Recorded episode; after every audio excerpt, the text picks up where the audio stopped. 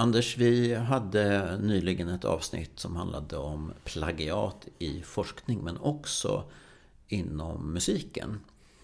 Och jag har förstått att du har erfarenhet av att plagiera, eller ja, just det. Det kan man väl öppet erkänna. Vilka, vad är dina bästa stölder? Ja, det är classified. Uh, vad var det Stravinsky sa? En, en bra tonsättare stjäl, medioker tonsättare lånar. Jag förstår. Och bygger man vidare på röpen med referensen så eh, när det åtminstone när det är uppenbart. Ja. Eh, du kan ju klippa bort det, men det här är en jävligt kul historia om Stravinsky. Mm. Stravinsky, han höll på att skriva Petrushka. Mm. Och då hör han genom fönstret en gatumusikant som spelar en låt. Och det där tyckte han lät bra, så det tog han med i Petrushka. Det går da da da da da da da da da da da da da Och eh, 15 år senare knackar det på hans dörr. Då står den här killen här och säger Jag ska ha mina royalties. För det var han som hade skrivit den här låten. Och han fick det. Otroligt. Ja, det är väldigt Hedervärt, måste ja, man hedervärt. verkligen säga. Så att eh, en del av royalties från det här stycket går till den här killen. Fantastiskt. Du har suttit i STIMs plagiatkommitté. Ja. Stämmer det? Ja. Kan du, hur går det till? Hur fattar man beslut eh, det, om eh, vad som är plagiat? Vi får in ärenden då från eh, folk som anser att eh, någon annan har plagierat deras sak och deras stycke. Och då vill de att vi kollar om det går att, ska gå till domstol. Mm. Så vi hade några, det vanligaste var väl att Dansband A anklagar dansband B för att ha snott deras låt. Och eh, det slutade alltid med att vi sa att men det, det, det, är inte tillräckligt, tillräcklig verkshöjd för att man ska kunna kalla det här en låt som skiljer sig tillräckligt mycket från den andra. Så att det kan inte bli ett case. Eh, verkshöjd betyder alltså grad av originalitet, helt enkelt. Men ett minnesvärt eh, ärende var ju när en en känd svensk artist eh, ville stämma en, en popgrupp för att eh, de hade snott hans låt. Och eh, vi hittade ganska snabbt att han själv hade ju snott låten. Samma låt? Samma låt. Från en kille i Karibien. Och eh, så vi uppmanade ju kanske inte ska driva det här vidare. För det kommer nog inte sluta så bra. Vad sa artisten då? Ja, det vet jag inte riktigt. Men... Vet du om han, eller han, sa du? Ja. Hon säger vi också. Var medveten om det här stölden eller lånet? Det vet jag inte. Men det verkar lite konstigt att, att riva upp himmel och jord och vilja starta en process om man har snott den själv. Men mm. ja, han kanske inte tänkte så långt. Jag vet inte. Men det, det, var väldigt kul faktiskt. Tack för att du delade den, den anekdoten. Har du något mer att berätta från STIMs eh, plagiatkommitté? STIM är då Svenska tonsättares internationella musikbyrå. Ja. Nej, inte, det är de grejerna jag kommer ihåg mm. just nu. Mm. Hur är det enligt din erfarenhet i eh, nationella eller internationella orkestrar bland musiker och kompositörer? Är är, för, förekommer utmattningssyndrom eller starka stressproblem i samband med krav och prestationer som man upplever på, på arbetet? Ja, det, det är klart att det gör. Jag menar, det är ju en extrem eh, påfrestning att live eh, uppföra musik som kanske är svår att spela och svår och ny.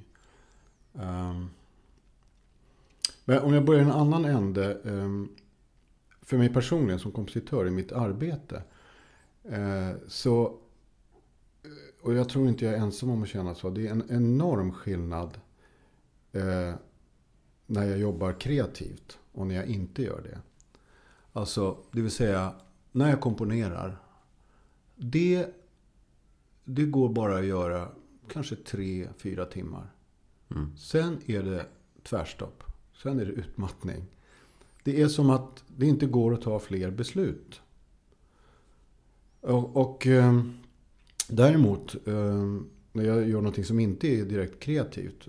Till exempel skriver ut noter på musik som jag har bestämt att så här ska det vara. Då kan jag hålla på hur länge som helst. Mm.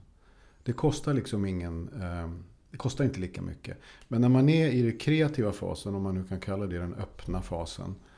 Då eh, är ju allting osäkert. Liksom, du vet ju inte om det här kommer att hålla. Eh, och det, det är ju bra att vara kreativ, men, det, är faktiskt påfallande obehagligt ibland. Till skillnad mot den eh, slutna fasen sen, när man mm. har bestämt sig mm. och vet vad man ska göra. Då finns det ju en trygghet i det där. Så det där fascinerar mig, för att varför är det tvärstopp efter tre fyra timmar? Och varför är det så hotfullt och obehagligt med det här det, det, du beskriver uppfattar jag som det här hotfulla tomma pappret som författare, ja, journalister kan, kan prata om. Precis. Att, att det är någonting otroligt utmanande och energikrävande i att behöva hitta på någonting. Men ja. vi vet, du vet av erfarenhet att du kan hitta på saker och skriva Rent stycken. intellektuellt ja. ja. Men känslomässigt är det, har jag ingen aning när jag börjar ett nytt stycke. Och jag kan jämföra, jag har en vän som är dirigent och kompositör. Och han säger ju när, när jag dirigerar, då vet jag ju jag vet hur man gör. Mm. Det är inget problem. Nej. Men när han ska sätta sig och komponera, då är han lika dum som, som alla vi andra. Han kan ingenting, du får uppfinna hjulet på nytt. Uh, och det är, det är väldigt otryggt. Samtidigt, och det är då det gäller att försöka ha en lekfull inställning. Mm. För det är det man kan ha i den kreativa fasen. Mm. Och som man inte kan ha i den slutna fasen. Då man har bestämt sig på samma sätt. Eller inte bör ha, skulle jag säga. Det där, ja. Har, har, du en teknik för att komma runt detta som du vill dela med dig av? Eller, jag ställer en följdfråga på en gång.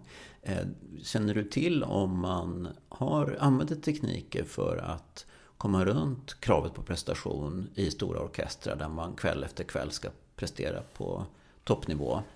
Är det här någonting som folk sköter individuellt? Eh, medicinerar? Eh, yoga? Mindfulness? Hur gör man? Ja, det finns ju sådana grejer. Alltså betablockerare mm. används ju av en del. Mm. Det, så är det ju. Men ja, ska man säga? Det man får vara för, så förberedd det bara går. Liksom. Att man tekniskt behärskar det man ska göra. Så man kan luta sig mot tekniken när nerverna mm. börjar konstra. Och då är det en sak mindre att oroa sig ja. för kanske? Ja. Visst. Du, berätt, du nämnde den öppna fasen och den slutna fasen. Kan mm. du förklara vad du menar med det? Jag menar att den öppna fasen, det är då man är kreativ. Och, eh, alltså att man är kapabel att leka, att man är barnslig. Och lekandet för, för dess egen skull. Så, eh, det är inte, du, du kanske inte ens har ett, ja, du har ett mål med det du gör. Men man håller på med skisser. Det är ofta så att eh, Ja, nu flummar jag på. Ja, kör på. Um, en idé som jag tycker är fantastisk. Nu börjar jag jobba med den. Mm. I det kreativa fasen. Sen visar det sig senare att det är inget kvar av den idén. Det kom mycket andra idéer som var mycket bättre. Så det är så det går till. Men det där... Jag ska förklara skillnaden. Men i den, i den slutna fasen då.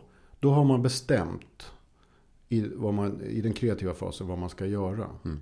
Och då finns inte längre den här osäkerheten. Och då måste man uh, göra det här. Så det är liksom, det är väldigt motsatt den, den um, inställning man har i den kreativa fasen. Då mm. man ska vara hela tiden uh, öppen för att ändra allting. Mm. Inte tänka på ett mål nödvändigtvis.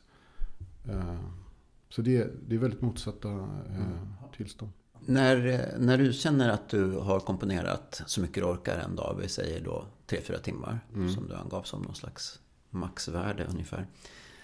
Hur upplever du den eh, tröttheten? Är det ett ökat motstånd mot att eh, fatta beslut eller skulle du beskriva som en fysisk trötthet eller en mental trötthet? Det, det är enbart en mental trötthet. Just det där att eh, du, du kan inte fatta fler beslut här. Det går inte. Stopp. Så det, det, är inte fysiskt trötthet, för då går jag och spelar tennis med dig till exempel. och vi hoppas att min kollega Sandra Tam eller vår gäst Christian Ryck kan förklara någonting om varför det är så jobbigt att fatta beslut. För det känner i alla fall inte jag till. Men jag känner igen det ja. till hundra procent. Ja. det här med ja, det öppna och det slutna. Jag tänker på en eh, historia om Stravinsky. Som fick förfrågan om att skriva en violinkonsert. Mm. Och då sa han först nej för att han, sa, han tyckte att han kan inte spela fiol och han vet inte hur man gör. Men han blev övertalad mm. av en violinist som heter Samuel Dushkin. Och han började skriva och så fick han en idé och skickade iväg den till eh, den här Dushkin och frågade är det här möjligt? Går det att spela på fiol? Och han fick svar tillbaks väldigt fort eh, där Dushkin sa tyvärr det är omöjligt. Men efter ytterligare ett par dagar så skrev Dushkin igen och skrev Nej, jag har hittat eh, ett sätt att göra det här på. Det går att spela. Och för den intresserade så är just det här, det, är det här ackordet som är emblematiskt för hans violinkonsert. Det, det är liksom identiteten och det hela. Och eh, min poäng är här att eh, Stravinsky, om han hade kunnat spela fiol, mm. då hade han varit blockerad av sin kunskap. Då hade han inte kommit på den här idén. Hade han, inte kunnat, han hade inte kunnat vara i den öppna fasen. För han var redan i den stängda fasen där han visste hur man spelar fiol. Och, och eh, Dursken å sin sida var ju i den stängda fasen för att han vet hur man spelar fiol. Precis, och det hade varit eh, extremt utmanande och antagligen energikrävande att försöka hitta på någonting som till synes inte går, ja. men som i praktiken visar sig går. Ja. Energikrävande kanske Ja, visst. Energikrävande, ja. Men då vill jag tacka dig Anders Hillborg. Stort tack för att du var med i Stressforskningspodden. Tack ska du ha, det var väldigt kul.